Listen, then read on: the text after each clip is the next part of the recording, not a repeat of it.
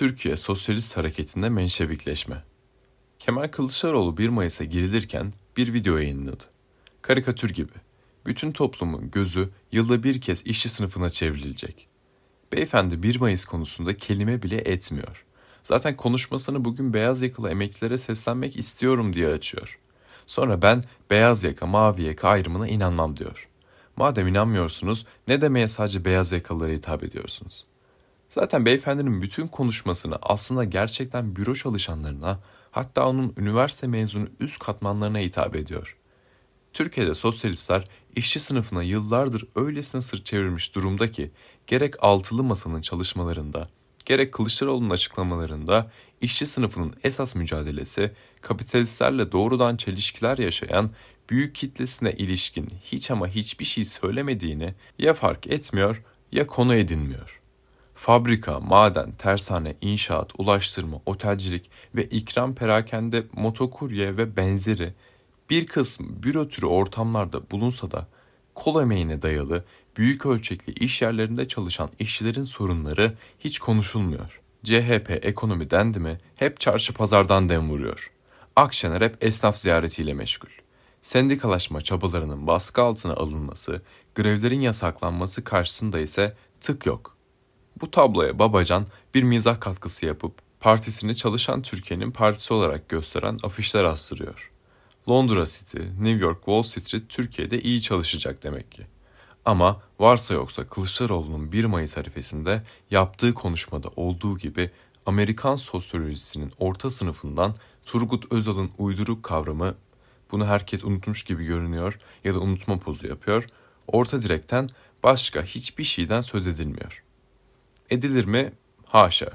Sonra TÜSİAD'dan nasıl destek alınacak? Altılı masanın diline dikkat edin.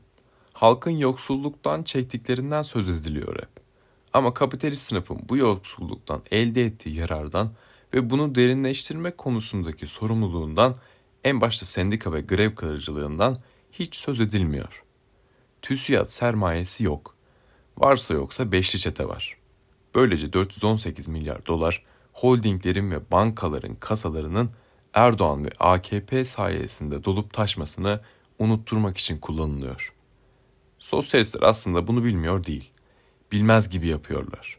Sadece hareketin biz dahil bir azınlığı bu konuları ve şayet seçimi kazanırsa Millet İttifakı'nın ekonomik alanda işçi sınıfını ve emekçi halkı inim inim inleteceğini ortaya koyduğumuz için de herkes birbirini korumuş oluyor.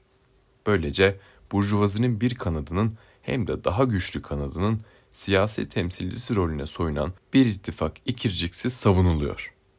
Bu gerçekler biraz değiştiğinde de cevap hazır. Bu sadece Erdoğan'ı göndermek için bir taktik. Biz seçimde Erdoğan'ı yenilgiye uğratır uğratmaz asıl politikamıza geri döneceğiz.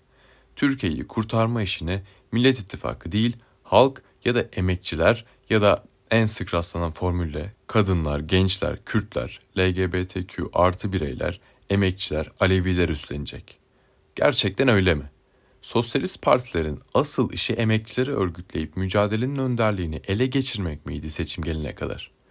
2017'de adalet yürüyüşünde Kılıçdaroğlu'nun yanında boy göstermedi mi sosyalistler?